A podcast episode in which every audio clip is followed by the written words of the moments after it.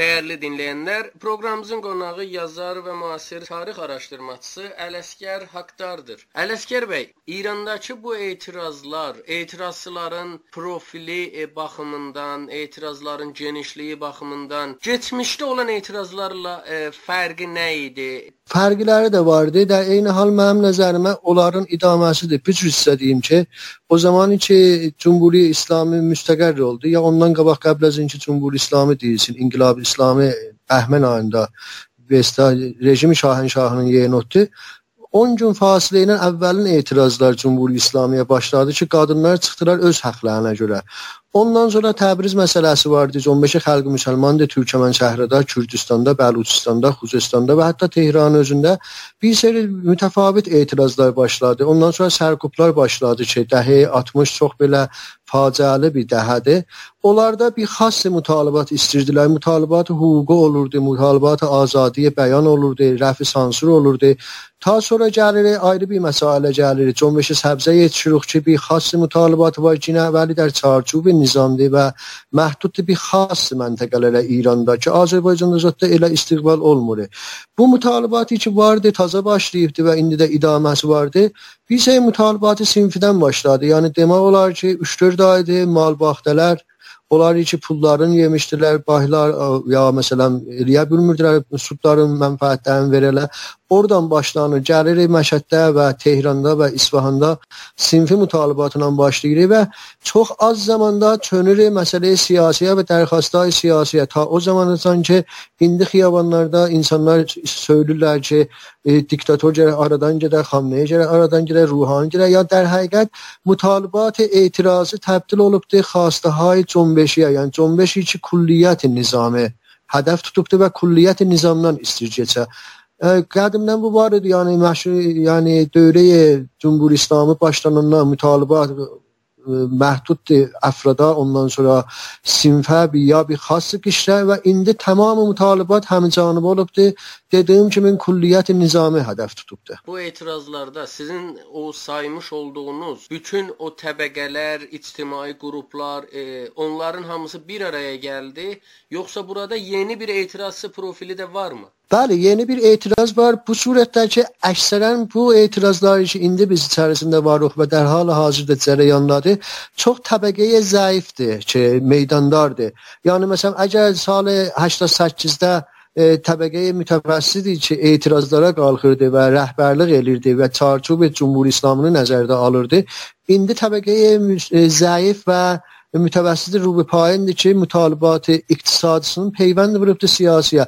Əlbəttə mən bunu yadavərirəm xidmətinizə ki, Cumhur İslamda çün siyasət, fərhəng, iqtisad hamısı e, rejimin əlindədir. Biz eləyə bilmərik ayıraq ki, məsələn bu mütalibat məsələn iqtisadıdır, məişətidir. Çün məişət də benoy dərgiri siyasəti Cumhur İslamdır. Bəs də həqiqət əgər bu günləri xiyabanlarda Cumhur İslamının sərnıqın olmağını istirlər milləti İran, Bu məniyədir ki, həm mütalibat iqtisadlılar var, həm siyasi, həm fərhəngisi.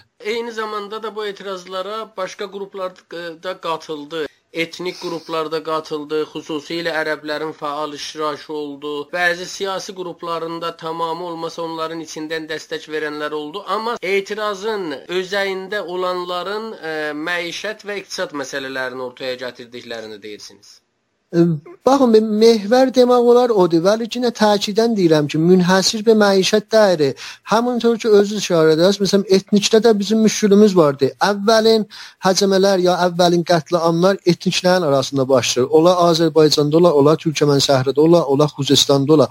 Tamamı onlar bir nəyiş. Yəni o fəsadı ya o müşkülat iqtisadi ki, kulli İranda var, bir təb Azərbaycanda var. O da mənim mütalibatımdandır. Və izafə bu ki, mən bu ünvanı bir dənə Türkiyə, Azərbaycan bir xas mütalibatım vardı. Yadımızdan çıxartmayaq ki, 1385-də də bir seri mütalibat etniki və milli Azərbaycanda üz verdi. Xub onlar da bu günə yığışıb. Çə Təbrizdə çıxam, çə Urmiyədə çıxam, çə Ərdəbildə ya Zəncanda, hətta Həmədanda da çıxam. Mütalibat etnikim der peyvənd kamildir mütalibat iqtisadi mına. Bu etirazların İranda başqa siyasi qruplara xüsusi şəkildə işarə etmək istəsək, reformçulara bir zərəri oldumu? Bəli, reformlar dediyim kimi məsələn Cəmbəşi səbzi müsadirə məktub eləmişdilər. Çarçub Cümhuri İslamda bir seri məhdud bir istədiklərini deyirdilər, dilə gətirdilər. Amma bu Cəmbəş ki indi cərəyanda vardı, در həqiqət reformistlərə də qoyur kənara. Yəni mən yenə təkrarən deyirəm ki, tamam şüarlara biz baxanda tamamiyyət Cümhuri İslamını nişanə tutubdur. Əhəm az reformist ya usulgəra ya muhafizkar bunlar hamısı nizamın içindədir.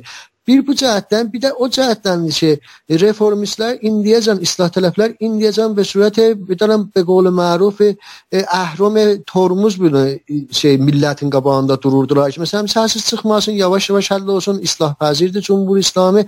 Bu 15 ki indi cərəyanda vardı, bunların hamısının yalan olmağını göstərdi ki, Cumhuri İslami islah pəzir dəyəri və tamamı bu cinahlar fəqət öz mənafeylərini fikir edirlər. Yəni bunun fikrində deyirlər ki, millətin xassəsi nə mənadır? Millətin xassəsi tamamiyyət Cümhur İslamın aradan getmədir, əmniyyət kamil bərqərar olmaq və ayrı şeylər xidmətçisidir. Bu səfər yeni bir siyasi e, hərəkat ortaya çıxdı. Yəni yeni toplumdan yeni bir hərəkat ortaya çıxdı və siyasətdə də öz təsirini buraxmaq istəyən bir e, təbəqədir.